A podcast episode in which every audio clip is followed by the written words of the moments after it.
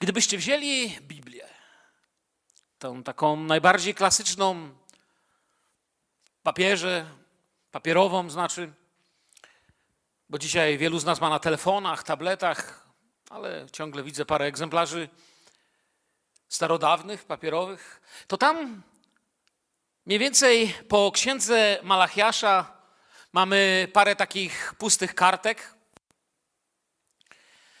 I ta biała kartka, która tam jest zaraz po księdze Malachiasza, to jest 400 lat. To jest 400 lat pewnej ciszy. I bądźcie spokojni, nie będę dzisiaj głosił z tej białej kartki, ale zobaczcie, ostatnie słowa księgi Malachiasza brzmiały: Oto ja poślę wam proroka Eliasza. Ostatnie dwa wersety. Ostatnie dwa wersety Starego Testamentu. Oto ja poślę wam proroka Eliasza, zanim przyjdzie wielki i straszny dzień Pana, i zwróci serca ojców ku synom, a serca synów ku ich ojcom, abym, gdy przyjdę, nie obłożył ziemi klątwą. I potem następuje 400 lat ciszy. Wydawałoby się, że nic się nie dzieje, ale dni dobiegają do pewnej ważnej daty i kiedy otwieramy Nowy Testament, zaczynamy czytać o Betlejem. Potem czytamy o narodzinach Pana Jezusa. Potem czytamy o tym, kiedy Jezus już był takim wczesnym nastolatkiem, kiedy wyprawia się z rodziną do świątyni w taką wyprawę modlitewną, tradycyjną, którą każda żydowska rodzina odbywała w święto. Potem mijają znowu jakoś tak nie za wiele możemy w Biblii przeczytać. Około 13 lat mija. I gdzieś mniej więcej 13 plus minus lat po tym wszystkim wstaje nowy dzień i pojawia się człowiek, o którym do tej pory większość nie słyszała, chociaż Nowy Testament poświęca nawet dość dużo miejsca i Jego urodzeniu się, i Jego służbie, a nie jest to Pan Jezus, lecz już się domyśliliście, Jan Chrzciciel. Wstał nowy dzień, pojawił się człowiek. Wczoraj jeszcze go nie było. Jeszcze wczoraj w tym miejscu nad rzeką rosło sitowie. Kto był w Izraelu i miał okazję tam być, to wiecie, gdzie jest to miejsce, gdzie zaczął usługiwać Jan. Wcale nie jest to jakiś wielki Jordan, taka zamulona rzeczka i dużo trzciny. Wczoraj go nie było, ale dzisiaj jest, bo przyszedł czas. Mija 400 lat milczenia i prorok znowu podnosi swój głos i zaczyna mówić. I w to miejsce Słowa Bożego dzisiaj, w czasie tego nauczania, środowego nauczania Słowa, chciałbym Was, przyjaciele, zabrać. Mateusza 3, od 1 do 12. Przeczytajmy z Nowego Testamentu. W owym czasie wystąpił Jan Chrzciciel i głosił na pustyni judzkiej te słowa. Nawróćcie się, bo bliskie jest Królestwo Niebieskie. Do niego to odnosi się słowo proroka Izajasza, gdy mówi głos wołającego na pustyni: Przygotujcie drogę Panu, dla niego prostujcie ścieżki. Sam zaś Jan nosił odzienie z sierści wielbłądziej i pas skórzany około bioder, a jego pokarmem była szarańcza i miód leśny. Wówczas ciągnęły do niego Jerozolima oraz cała Judea i cała okolica nad Jordanem. Przyjmowano od niego chrzest w rzece Jordan, wyznając przy tym swoje grzechy. A gdy widział, że przychodzi do chrztu wielu spośród faryzeuszów i saduceuszów, mówił im: Plemię żmijowe, kto wam pokazał, jak uciec przed nadchodzącym gniewem? Wydajcie więc godny owoc nawrócenia, a nie myślcie, że możecie sobie mówić: Abrahama mamy za ojca. Bo powiadam wam, że z tych kamieni może Bóg wzbudzić dzieci Abrahamowi. Już siekiera korzeń, do korzenia drzew jest przyłożona. Każde więc drzewo, które nie wydaje dobrego owocu, będzie wycięte i w ogień rzucone. Ja was chrzczę wodą dla nawrócenia. Lecz ten, który idzie za mną, mocniejszy jest ode mnie. Ja nie jestem godzien nosić mu sandałów. On was chrzcić będzie duchem świętym i ogniem. Ma on wiejadło w ręku i oczyści swój omłot. Pszenicę zbierze do spichlerza, a plewy spali w ogniu nieugaszonym. W takim oto miejscu jesteśmy, gdzie Duch Święty przez prowadzonego przez niego człowieka odzywa się w tak masowy sposób po raz pierwszy. Oczywiście, kiedy czytaliśmy o narodzeniu Pana Jezusa, czy o Jezusie jako dziecku w świątyni, to też już ludzie mieli do czynienia z Bożym działaniem. Ale oto zaczyna, zaczyna się coś masowego. Moglibyśmy rzec, że wybucha swoiste przebudzenie. Bo Biblia mówi, że kiedy przyszedł ten czas, wystąpił Jan Chrzciciel i głosił na pustyni judzkiej słowa. Taki owy czas, jak tutaj Biblia mówi, ten właściwy czas. Był i pewnego dnia w Twoim życiu i w moim życiu, kiedy Pan Jezus do niego przyszedł. Przychodzi na każdego człowieka wezwanego przez Bożą Ewangelię. Przychodzi taki dzień, o którym potem opowiadamy, że w tym czasie Pan Bóg powołał mnie do siebie. W tym czasie znalazł mnie Jezus. W tym czasie doszło do mnie słowo Pana. Myślałem sobie, przyglądając się tej dzisiejszej historii, jak to musiało wyglądać tam wtedy. Dwa tysiące lat temu, kiedy Jan Chrzciciel obudził się tam na pustyni, bo wiemy, że mieszkał na pustyni, żył bardzo skromnie, jak to musiało wyglądać ten poranek gdzieś na pustyni, gdy obudził się rano i dzięki jego relacji z Bogiem wiedział, to dzisiaj. To dzisiaj wychodzę i kieruję się nad Jordan. To dzisiaj rozpocznę wygłaszanie tego, do czego powołał mnie Bóg.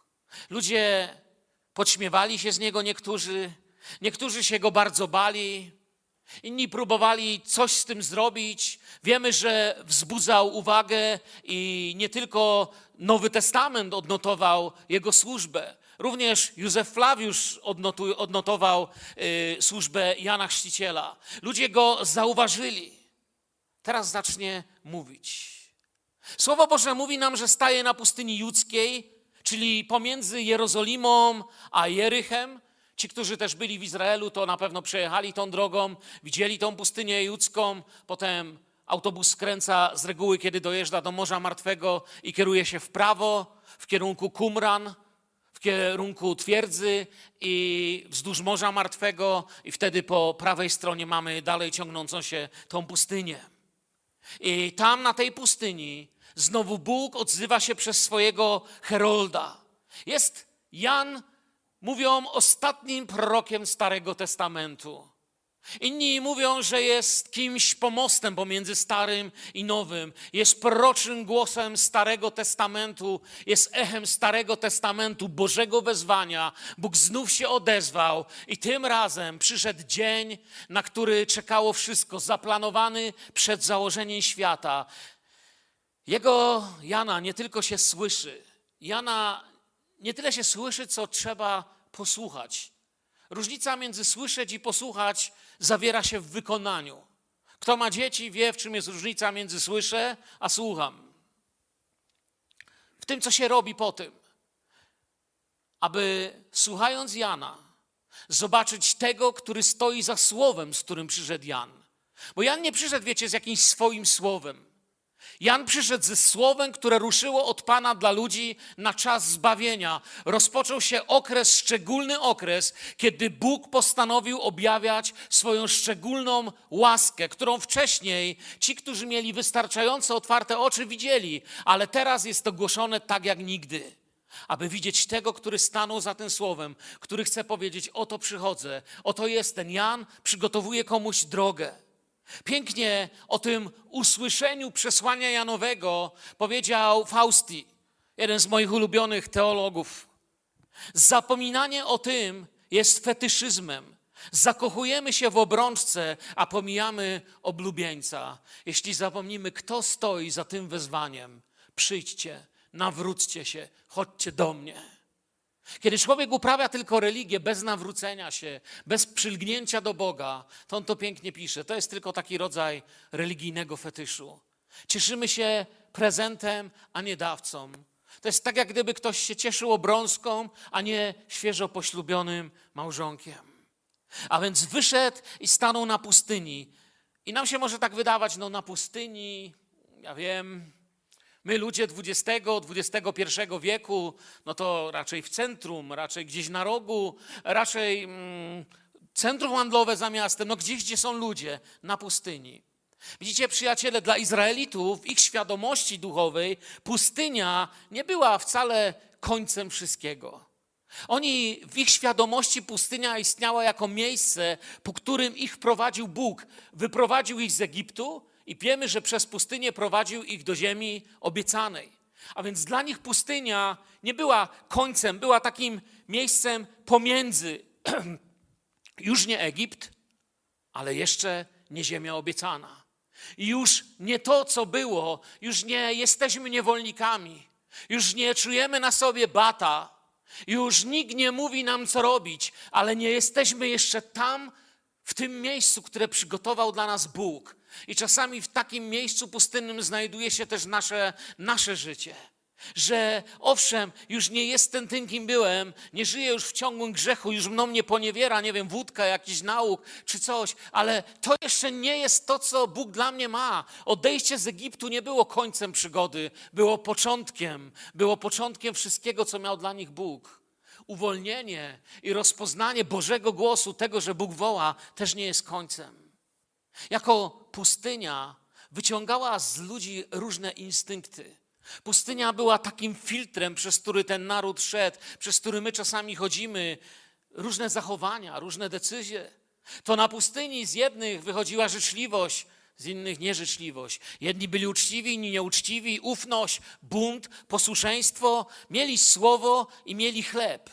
Ale to wcale nie oznaczało, że doszli, że już są tam, gdzie chce ich Bóg to tylko oznaczało, że idą w posłuszeństwie, kierując się tym, jak idzie, jak mówi, jak objawia im siebie Bóg. To nie było miejsce, gdzie doszli i koniec. Jesteśmy i to jest cały plan, jaki Jahwe dla nas ma.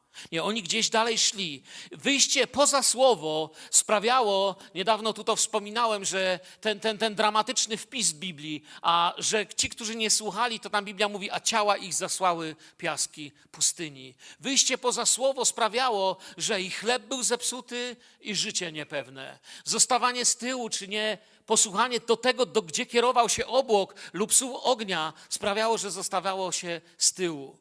To jest coś takiego, jak kiedy człowiek chodzi, nie wiem, na nabożeństwo, zauważyliście na pewno takie coś w swoim życiu, u innych, a być może, co jest dramatyczne, u siebie, ale Bóg was z tego uratował, że możemy przychodzić, człowiek przeżywa jakąś taką odnowę, a potem przychodzi to, przez co przychodzą wszystkie upadki. Początek każdego upadku taki sam, zaniedbanie Słowa Bożego. Po zaniedbaniu Słowa Bożego przychodzi pycha, a pycha przychodzi przed upadkiem i tak dalej. I człowiek przychodzi i na początku jest z Kościołem. Jego serce bije z Kościołem. Ale potem w miarę tego, jak sobie coraz bardziej pobłaża w tym duchowym życiu, najpierw też wiecie, a ścinamy poranki z Biblią, a ścinamy środy, a to, a właściwie to starczy dwa razy w miesiącu, starczy raz, starczy wcale. I tak, ja jestem chrześcijaninem tyle, że nie chodzę do kościoła. No. W swoim czasie szczególnie w kręgach katolickich modne było takie powiedzenie, wierzący, nie praktykujący. Ja myślę, że w kręgach protestanckich mamy inny problem. Praktykujący, ale nie wierzący. Każdy ma swoje.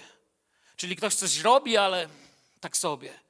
Wyjście poza słowo sprawia, że stajesz coraz bardziej z tyłu. Ja to widziałem w życiu niektórych ludzi, że razem żeśmy coś śnili, marzyli. Ja opowiadałem o kościele, oni byli ze mną. A potem ja opowiadam o kościele już tak, no Mirek, no Mirek, już tak byś spoważniał, wiesz, dojrzałbyś chłopie w końcu. Nagle widzę, my już jakby oni zostają z tyłu, a któregoś dnia ich nie ma. Już nie są tam, gdzie my wszyscy, cały zbór. Zostają na pustyni, gdzieś znikają za horyzontem. Ale poza logiką pustyni, bo, bo, bo to się nie mieści w żadnej logice, dlatego narodu pustynia była ciekawym miejscem. Pili wodę ze skały, ale uczyli się też być tam, gdzie ta skała była tam, gdzie prowadził Bóg. W nim było życie, on był skałą. I teraz objawienie się Boga jeszcze bardziej go przybliży. Jan, wiecie, nie byłby dziś dobrym doradcą w budowie wygodnych kościołów. Bo gdybyś podszedł do Jana i spytał, słuchaj, gdzie najlepiej mieć miejsce, gdzie moglibyśmy się spotkać i spokojnie posłuchać Słowa Bożego, Jan by powiedział, ja myślę, że tak 19 kilometrów, 18-19 kilometrów na nogach w głąb pustyni. No mniej więcej tyle trzeba było iść. A więc niewygodne miejsce. Prowadząca do niego droga wcale nie jest wygodna. Nawet w dzisiejszych czasach, kiedy tam jadą klimatyzowane autobusy, można zobaczyć, kto potrafi sobie wyobrazić, jak było zanim nie było dróg, że naprawdę to nie było łatwe miejsce. Pustynia nie jest jednak przypadkowa. Dla Izraela pustynia to jeszcze coś. Nie tylko była miejscem pomiędzy niewolą a ziemią obiecaną, ale była czymś jeszcze. Bo już nie byli w niewoli, ale jeszcze nie byli tam, gdzie idą. Pustynia była dla nich miejscem przymierza z Jahwe. Bóg z nimi zawarł tam przymierze. Jakby przez wieki mówiąc, że przez, przez wieki jakby to przesłanie uwidacznia się, że czasami musisz utracić wszystko, by zrozumieć, że Jezus Chrystus jest wszystkim, czego potrzebujesz.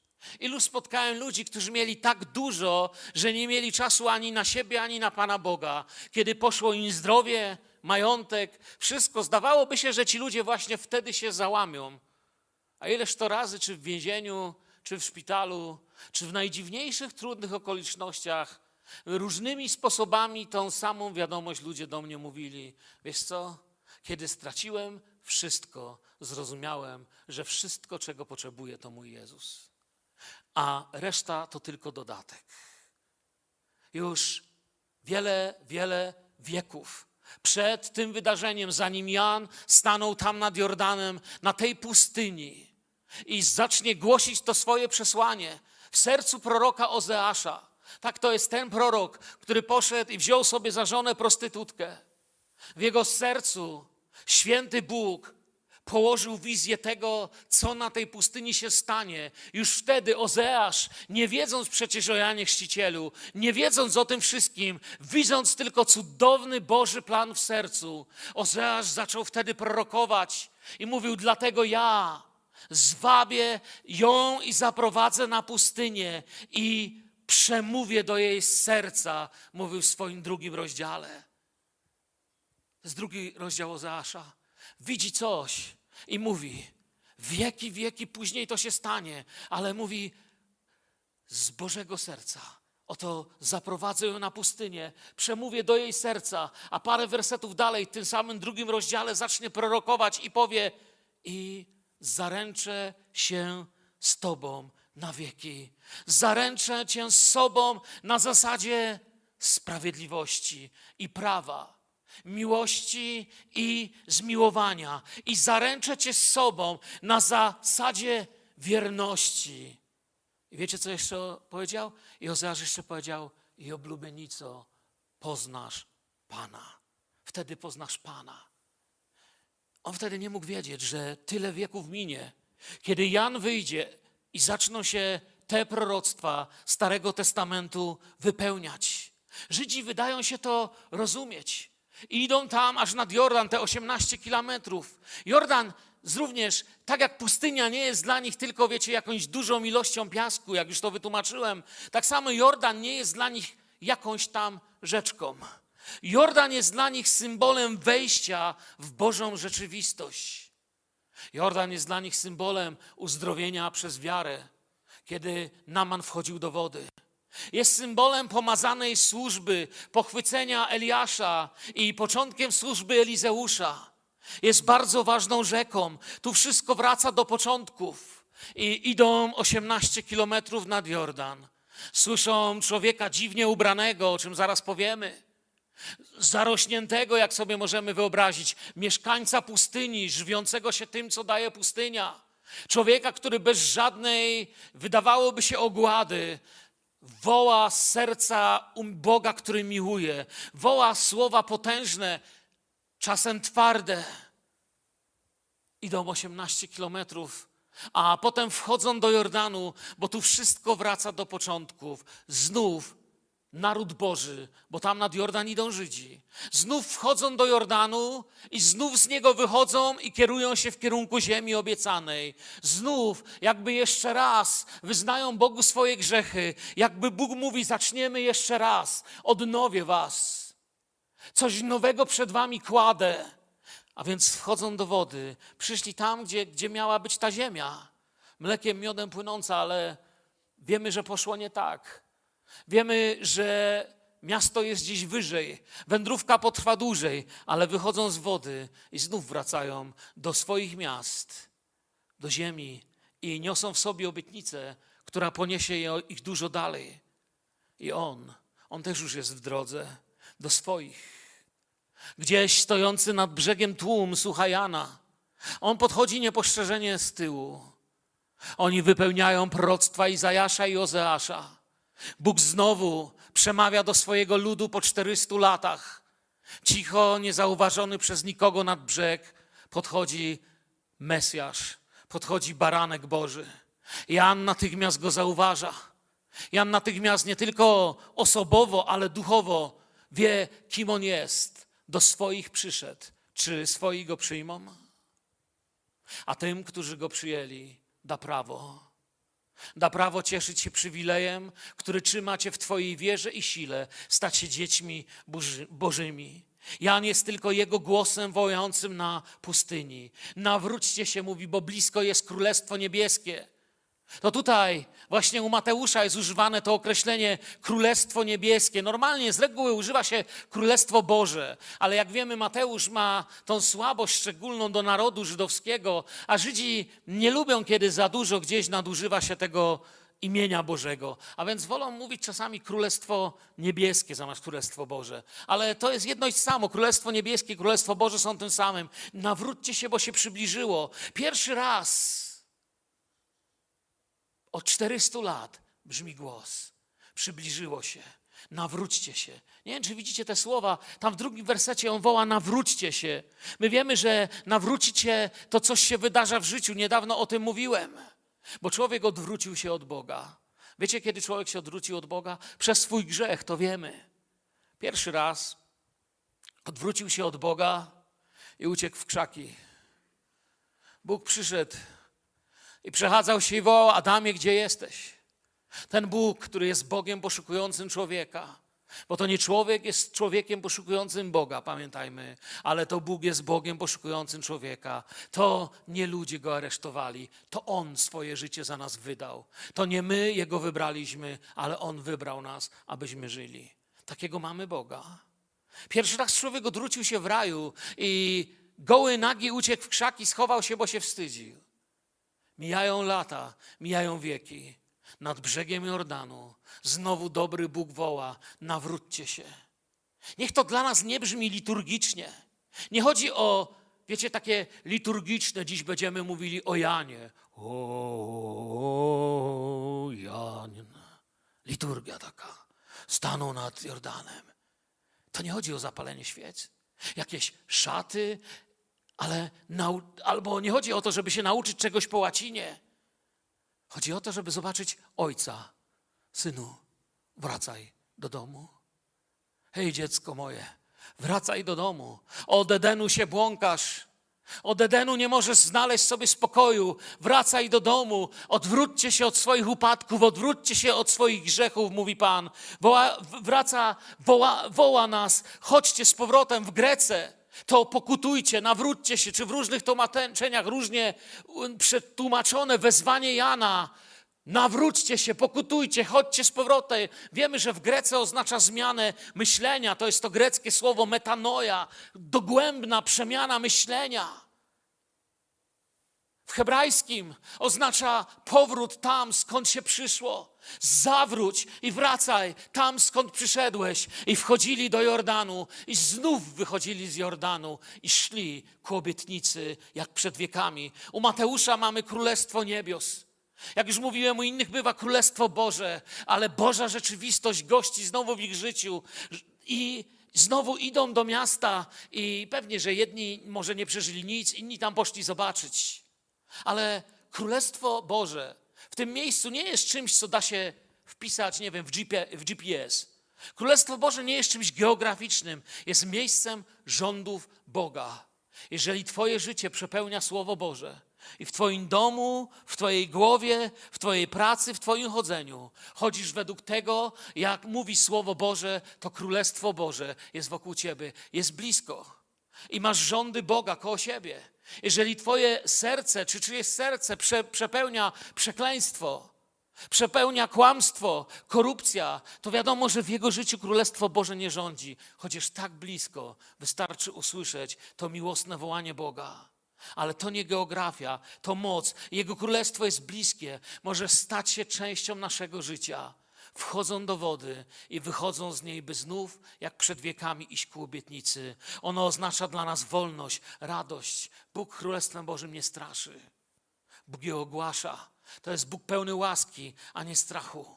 I Słowo Boże objawia nam tu, że to właśnie do tego momentu odnosiło się proroctwo Izajasza.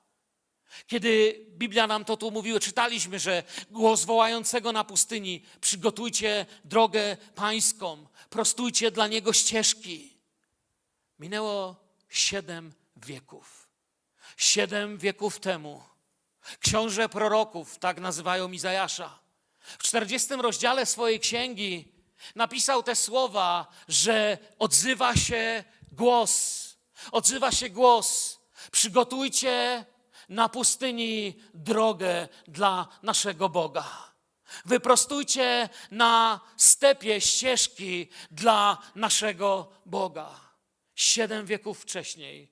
A teraz Jan stoi, a słowo się wypełnia i ogłasza to. Głos woła na pustyni na Twojej i mojej pustyni. Ten głos też się odezwał, odzywa. Ciągle czas łaski trwa. Bóg mówi: wracaj, chodź do domu. Pustynia nie jest straszna, kiedy idziemy za tym głosem. Pustynia jest straszna, kiedy przychodzi samotność. Samotność ogólnie podobno wszędzie jest straszna. Nie mówię o tym, że kiedy człowiek raz na czas potrzebuje sobie po prostu pobyć sam jeden, ale taka samotność, że nie ma ludzi, co cię kochają i nie ma Boga, który by cię kochał. Przynajmniej tak się człowiekowi takiemu wydaje. To jest straszne miejsce, ale tu pustynia nie jest straszna. Jest miejscem Bożego wezwania, przymierza. Pomyślałem sobie, jak na pustyni prostować ścieżki, powiedzcie mi. Prostujcie ścieżki, krzyczy gość na pustyni. Jak na pustyni wyprostować ścieżki? My gdzieś czujemy, że to nie chodzi tak naprawdę o to wydeptane. Wiecie, cokolwiek się na pustyni wydepta, to jest tak jak w zamieci śnieżnej u nas. Wydeptasz, ale rano już tego nie ma. Wiatr zawiewa. Ale widziałem kiedyś na pusty, film o zgubionych na pustyni ludziach. I postanowili włożyć wiele wysiłków w to, aby dojść do najbliższej osady. I szli ponad dobę żeby wycieńczeni i bez wody dojść do tej samej skały, od której jakiś czas temu odeszli. Zupełnie się zgubili w tych pustynnych górach. I wiecie, Boża droga prowadzi gdzieś. Boża droga jest prosta. Bóg mówi: Ja jestem drogą, prawdą i życiem. Prowadzi prosto, a ludzka to jest właśnie takie błąkanie się w kółko. Raz takie poglądy, raz inne, raz to nas ciągnie, raz tamto, raz taki, raz inny, aż do wyczerpania i śmierci. Tak sobie pomyślałem, krętymi ścieżkami wlecze się zgubiony wędrowiec. Kiedyś widziałem film na National Geographic, jak zające uciekają przed tymi ptakami drapieżnymi albo lisem. To też takim zygzakiem. Ich ścieżki nie są proste. Uciekają, żeby byle jak, żeby ratować życie, ale Boży lud idzie prostą drogą do celu. Bóg mówi: Ja jestem, ja jestem droga, jestem wasze oddychanie, wasze życie, wasz sens, Jestem waszym celem, jestem waszym wszystkim. Przygotujcie na pustyni drogę pańską, czyli zbłądzenia za własnymi fatamorganami, jedność Kościoła z Jezusem. Już nie błądzicie oddzielnie, ale spotykamy się w tym miejscu, gdzie rozlega się wołanie Bożego Herolda i możemy iść dalej. Izajasz ogłaszał wolność i przebaczenie po czasie wygnania. W tamtym czasie, kiedy te słowa były współczesne dla Izajasza, Pisał, bo wracali z Babilonu do Jerozolimy. Rozległ się głos, przychodziła wolność, przychodziły ciężkie dni na ten naród, bo trzeba było być wygnanym z tego narodu, który przeszedł przez Jordan i przed którym drżeli wrogowie, który czcił jedynego Boga Jahwe, stali się narodem wygnanym, bałwochwalców, pogubionych całkowicie, nie wiedzących po co i dlaczego żyją, narodem, który zabił proroków i zagłuszył głos, a jednak Bóg kochał i wołał. Przyjdą dni, gdy pójdą dalej. Teraz, teraz trzeba wrócić do Jerozolimy. Teraz trzeba wyjść z tej rzeki i wrócić do Jerozolimy. Przyjdą dni, gdy pójdą dalej z Jerozolimy, przez Samarię i aż po krańce ziemi. Pójdą z tym wezwaniem. Wracajcie, wracajcie do Pana, wracajcie na świętą górę Pana. Stoi na brzegu Jan i krzyczy. Słowo Boże mówi, że nosi odzienie z sierści wielbłądziej i pas skórzany około bioder i że żywił się szarańczą i miodem leśnym. Chciałbym, byście zrozumieli ten obraz Starego Testamentu tutaj. Jego życie jest jak obraz historii zbawienia. Jan ubiera się podobnie, jak ubierał się Eliasz. W Biblii mamy dokładnie taki sam opis, jeśli chodzi o ubiór, czy jeśli chodzi o styl Eliasza. Ale coś jeszcze. Eliasz, podobnie ubrany, swoim zwiastowaniem rzuca wyzwanie władzy, królowi. Rzuca wyzwanie całemu politycznemu i złemu światu i religii, i za to jest prześladowany, za to chcą go zabić. Ale potem, kiedy Pan go zabiera, przychodzi po nim Elizeusz, a więc jest Eliasz, który jest heroldem i ogłasza wielkie Boże rzeczy i czyni wielkie Boże rzeczy, a potem przychodzi Elizeusz, który jest jakby wyciszony bardziej i co się dzieje? Wzbudza z martwych dziecko. Oczyszcza z trądu tych, którzy potrzebują oczyszczenia. Rozmnaża chleb. Czy kogoś wam nie przypomina? Czy nie widzicie tu jakiejś typologii? I coś jeszcze tu widzę. Jan stoi w tym ubraniu, ubraniu ze zwierzęcych skór, stoi jak Adam, kiedy Bóg nałożył na niego te ubrania, żeby ukryć jego nagość. Stoi jak Adam, ubrany w skóry zwierząt, jak Boże przesłanie. Przyjdźcie tu, wróćcie do tego miejsca na początku, do miejsca, gdy musiałem was przyodziać, do miejsca, gdzie się pogubiliście, do miejsca, z którego chcę was podnieść, odnowić i dać nowy sens w wasze życie. Wracaj do mnie, wracaj do mnie. Przyjdź w to samo miejsce i załatwimy to. Ma przepasane do drogi biodra, wyrusza prowadzony przez Pana, by nieść przesłanie wolności, zbawienia, ale i ostrzeżenia sądu. Prowadzony przez Boga nie robi nic innego, jak przekonuje świat o grzechu, sprawiedliwości i o sądzie, bo przemawia w tym samym duchu, który przyjdzie w potężniejszy sposób przez tego, który idzie po nim, aby przekonać świat o grzechu, sprawiedliwości i o sądzie. Jan jest człowiekiem pustyni, ale nawet jego pokarm, nawet to, co je, głosi Boże przesłanie, bo miód zawsze symbolizował Boże Słowo. Kiedy prorokowi powiedziano spożywaj księgę, to on spożywa księgę i mamy, znamy z Biblii takie powiedzenie, że y, była w moich ustach słodka jak co? Jak miód, ale w moim wnętrzu stała się jak gorycz. Słodkie jest przyjmowanie i słuchanie słowa, ale życie i spełnianie go na świecie bywa goryczą prześladowania, tułania się i odrzucenia. Prorocy w posłuszeństwie spożywali to słowo, a potem często w goryczy wypowiedzianego słowa szli na rzeź. Umierali, było im ciężko to słowo wypełnić, ale na koniec ono zwyciężało, bo słuchanie słowa tak właśnie działa. W takich czasach żył Jan. To było po prostu po nim widać, ta szarańcza. Szarańcza w Biblii symbolizuje dzieła diabła, symbolizuje plagi, zniszczenia i zła. Ale w tym wypadku ten, który niesie słowo, likwiduje szarańcze, a nie szarańcza tego, który niesie słowo. Bo słowo Boże, kiedy dochodzi do Twojego życia, prorok to innymi słowami powiedział: A ja przywrócę Wam plony lat, które pożarła Wam szarańcza. Bo nie jeden człowiek siadł i mówi: Boże, nawróciłem się tak późno. O, gdybym się nawrócił, jak miałem 15 lat, jak ja bym inaczej żył. Gdybym się nawrócił chociaż jak miałem 50. Wiecie, kiedyś chrzciłem człowieka, który był blisko siedemdziesiątki i on biedny wyszedł. Chrzcili się razem z żoną. I mówi, bracie, żebym ja się nawrócił tak, no chociaż 50 lat temu. A co ja teraz mogę?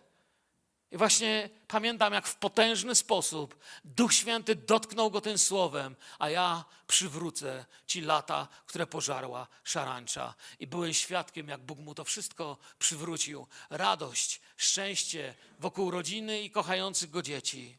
Szarańca zjada wszystko na jej drodze, ale tym razem szarańcza jest zjadana. I do takiego człowieka ciągnęły, ciągnęła, pisze słowo, Jerozolima oraz cała Judea, okolica nad Jordanem. Zostawiali swoje bezpieczne, święte miejsca, bo prawda Boga zaczęła działać tam na pustyni. Bóg jakby wyznaczył to miejsce. Umówił się z ludźmi właśnie tam. I jak wam już powiedziałem, i to wiecie, pustynia to nie byle co było dla nich, i Jordan to nie byle co. I głos, który się rozległ, też nie byle co. Spełniały się proroctwa. Bóg sobie zrobił spotkanie ze swoim narodem i od niego przyjmowano chrzest w rzece Jordan, wyznając przy tym swoje grzechy, objawia nam Słowo Boże. A więc wstając z wody, mogli się udać inną drogą. Bo nikt nie spotyka Boga w pokucie, by odejść taki sam. Nikt nie wstawał z tej wody taki sam, bo wyznawali swoje grzechy. A kiedy człowiek zaczyna wyznawać swoje grzechy, kiedy grzęźniesz w życiu, kiedy nie idzie, gdy zaczyna człowiek wyznawać swoje grzechy, nic już nie jest takie same. Wszystko się zmienia, zmienia się na dobre. Oni nie odrabiali swoich grzechów, nie dostawali kartki, ile trzeba będzie robić, żeby je odrobić, ale wyznawali tyle i aż tyle chce Bóg. Wyznaj swoje grzechy. Przyjdźcie do mnie, będziemy się prawować. Ja wasze życie wybielę. To jest to, co Pan obiecał przez proroków. I zauważył Jan, że również pojawili się ludzie z faryzeuszów, saduceuszów i mówił im, wiecie, gościu nie dba o PR, ani o reklamę. Plemię żmijowe. Wiecie, plemię żmijowe oni bardzo dobrze rozumieli, co to znaczy. Plemię żmijowe oznaczało ludzi diabła. Żmija, wąż był symbolem zła. Kto wam pokazał, jak uciec przed nadchodzącym gniewem? Gniew Boży nie jest skierowany na zniszczenie ludzi, ale na zniszczenie zła. Problem w tym, że wielu związało swoje życie ze złem i Bóg mówi: porzuć to zło, bo zło przeminie, ale nowe życie we mnie zostanie. Ja ci chcę z góry dać to, co do góry z tobą zabiorę. Przyjdź do mnie. Nie muszę się bać Bożego gniewu, gdy moje życie nie jest związane ze złem. Dlaczego bać się tego, że zło przemija?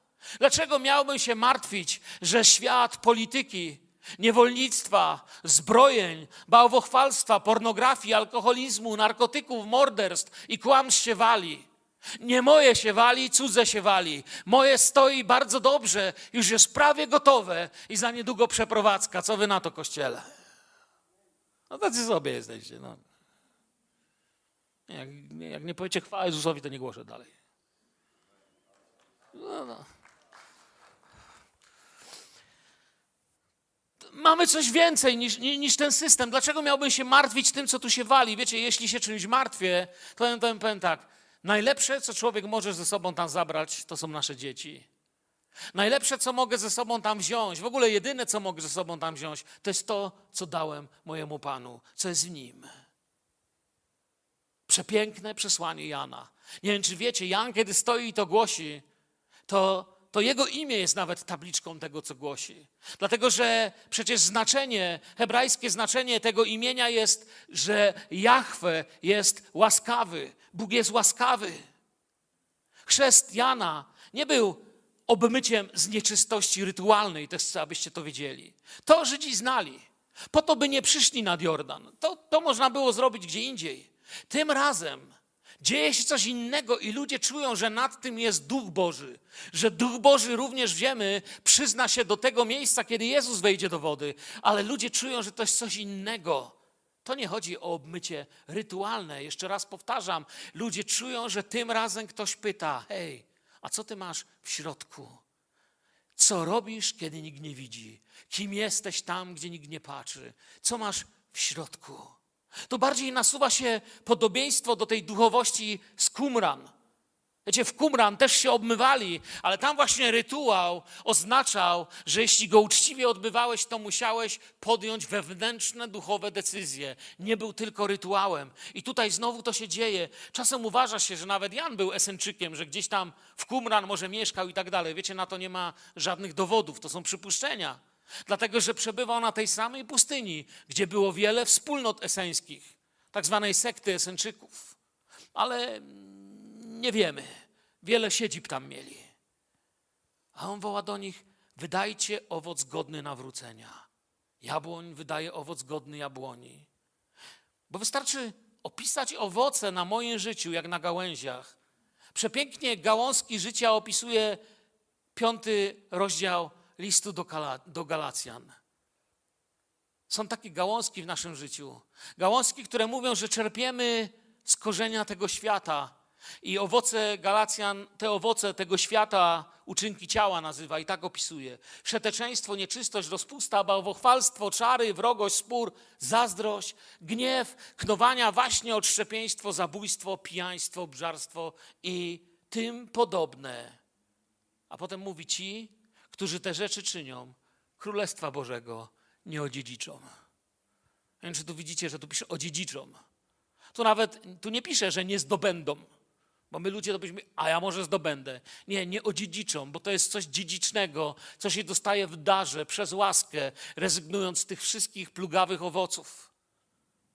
Ale są inne owoce, ten sam list.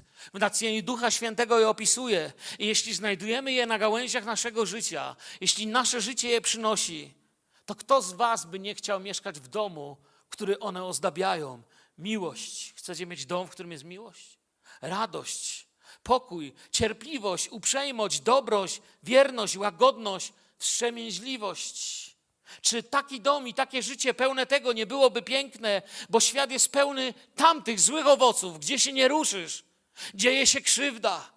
Politycy ogłaszają nowe rzeczy, krzywda za krzywdą, bezprawie za bezprawiem na tym świecie, a on mówi: przynoście taki owoc, bo tu nie jest wasze stałe miejsce pobytu.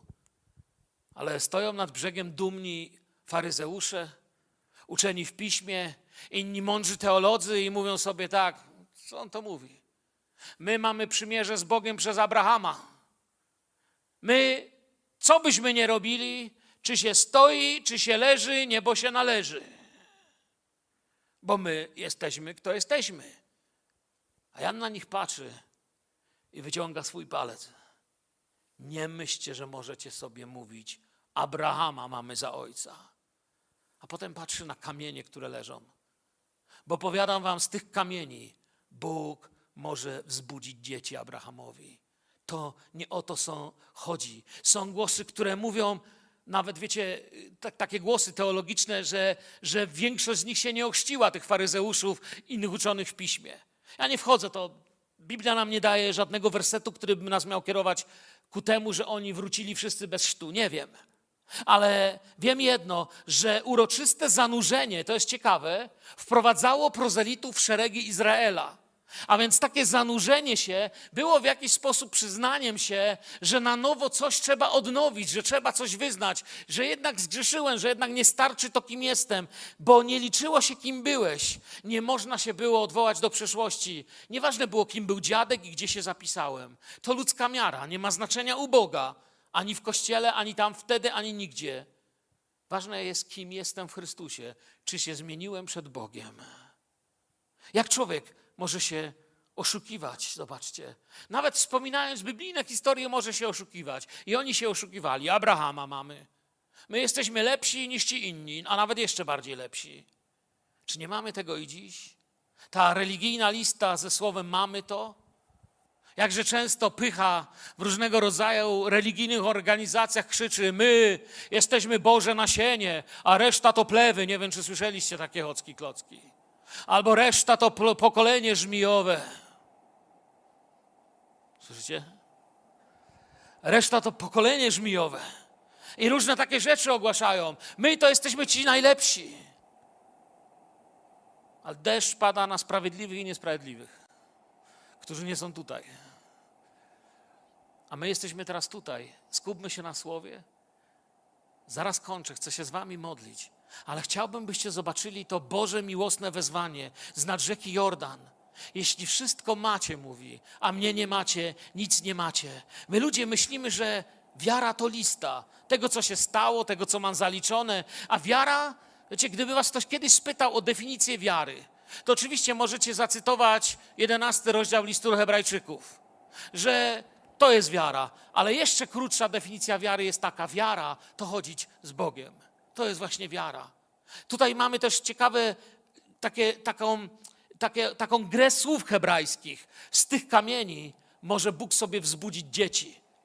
Nie będę tu teraz hebrajszczyzną mówił, bo sam nie jestem taki dobry, ale kamienie i synowie fajnie się tam rymują. Ja wiem jedno, że wiele kamiennych niegdyś serc kocha dziś Boga, a wiele kochających Boga serc dziś skamieniało. I można być z właściwego kościoła, ale być niewłaściwym człowiekiem. Można być z właściwego narodu, ale użyć się ku temu, co niewłaściwe. I mówi, już siekiera jest przyłożona. W Starym Testamencie to był obraz sądu, a oni grzebią w życiorysach, ale siekiera jest przyłożona do tych życiorysów, do tych wszystkich osiągnięć, które mają i nie będzie z tym kontaktu. I na koniec chciałbym Wam przeczytać coś. Malachiasz 3:19. Bo oto nadchodzi dzień, który pali jak piec. Wtedy wszyscy zuchwali i wszyscy, którzy czynili zło, staną się cierniem i spali ich ten nadchodzący dzień, mówi Pan zastępów, tak, że im nie pozostawi ani korzenia, ani gałązki. Pamiętajmy, nie chodzi o religijność, ale chodzi o owoce Ducha Świętego. Owoce Ducha Świętego to jest charakter Pana Jezusa w Tobie. Jeśli charakter Jezusa jest w Tobie, to objawia się przez owoce Ducha Świętego. I takim niech będzie nasz zbór. Nie przynależność, nie zapisanie się, bo cudem nie jest to, kim jestem, ale kim się stałem przez Jezusa z łaski Bożej. Ja was chrzczę wodą, ale po mnie idzie ktoś dużo większy. Jan innymi słowami mówi: Nie chodzi o mnie. Idzie ktoś, komu nie powinienem, nie jestem godzien nawet rzemyka przy sandałach rozwiązać. Wiecie, co to znaczy? Najniższa służba niewolnicza, jaka była, to była obsługa stóp swojego pana. Jan mówi: Ja nawet niegodny jestem mu rozwiązać rzemyki. Zaraz później mi przyszło do głowy, że Jezus skłonił się i umył nogi swoim uczniom. Jaką miał pokorę, jak uczył nas służyć. Uczniowie rabinatcy obsługiwali rabina, ale nie ściągali mu sandałów. Jan mówi: Ja nie jestem godzien mu rozwiązać rzemyka. To, co robię, to nie koniec, to początek. Jan nie daje zbawienia, otwiera oczy na zbawienie. Zbawcą pozostaje Bóg, który przychodzi i wzywa do pokuty. Duch zawsze przychodzi przed pokutą. I Jan mówi tak: Po mnie idzie ten, który będzie chrzcił was ogniem. I chcę wam coś powiedzieć, kiedy modlimy się o chrzest Duchem Świętym, kiedy modlimy się, żeby Duch Święty przyszedł w nasze życie, to pamiętajcie jedną ważną rzecz. Duch Święty nigdy nie wejdzie do świątyni, która nie jest zbudowana według Bożej instrukcji, tak nas uczy Stary Testament, i która nie została oczyszczona według Bożej instrukcji. Najpierw przychodzi krew Jezusa. Zawsze najpierw jest oczyszczenie przez świętą krew Pana Jezusa, przez Golgotę, przez upamiętanie. A kiedy to przyjmujemy, stajemy się gotowi, aby zamieszkała w nas Jego pełnia, aby Duch Święty objął nas posiadanie, aby się stać świątynią Ducha Świętego. Bez krwi nie ma pełni. Nigdy Duch Święty nie wypełni cię, nie zamieszka w tobie, jeżeli najpierw nie dokona się pokuta, pełne oczyszczenie, pełne uwolnienie, pełne wszystkiego, czym jestem, kładę przed Tobą, Panie. Chcę być tym, czym Ty chcesz, abym był. Buduj mnie, kształtuj mnie, napełnij mnie. Zostawiam swoje stare życie, zostawiam wszystko za to sobą. Powstańmy i uwielbimy Jezusa. Podziękujmy Jemu. Wywyższyjmy Jego imię. Panie, dziękujemy Tobie. Dziękujemy Ci za ten straszliwy deszcz na zewnątrz, który nas tak rozprasza. Ale też dziękujemy Ci, Panie, że ta ziemia, czas na niej przemija. Królestwa świata przemijają. Płyną godziny i minuty, a my, Panie, jesteśmy w drodze do Twojego domu. Dziękujemy Tobie, że powołałeś nas, zbawiłeś. Dziękuję Ci, że pewnego dnia mogłem skłonić moje kolana i wyznać moje grzechy. I dziękuję Ci, że Ty przez Twego Ducha Świętego zamieszkałeś we mnie i przyszedłeś. Panie, chcę być świątynią Twoją, czystą, świętą. Chcę być świątynią Twoją, w której jest chwała, w której oddaje się Tobie hołd. Chcę być świątynią Twoją, w której nie stoi nic, co by Ciebie zasmucało, Ciebie odrzucało. Kocham Cię, mój Zbawicielu. Błogosławimy Ciebie jako Kościół w tym miejscu. Błogosławimy nasze nieszczęśliwe miasto. Błogosławimy wielu ludzi, którzy dziś wieczorem płacze w swoich nałogach, związaniach, pod presją nienawiści. Błogosławimy tych, którzy w samotności są w szpitalach. Tych, o których dzisiaj się tutaj modliliśmy. I tych chorych, i samotnych. Dziękujemy Ci, że gdzieś z nad Jordanu Twój głos rozległ się i w naszym życiu. Pokutujcie i wierzcie, wierzymy Tobie, Zbawicielu, i wyznajemy Ciebie naszym Królem i Panem. Amen.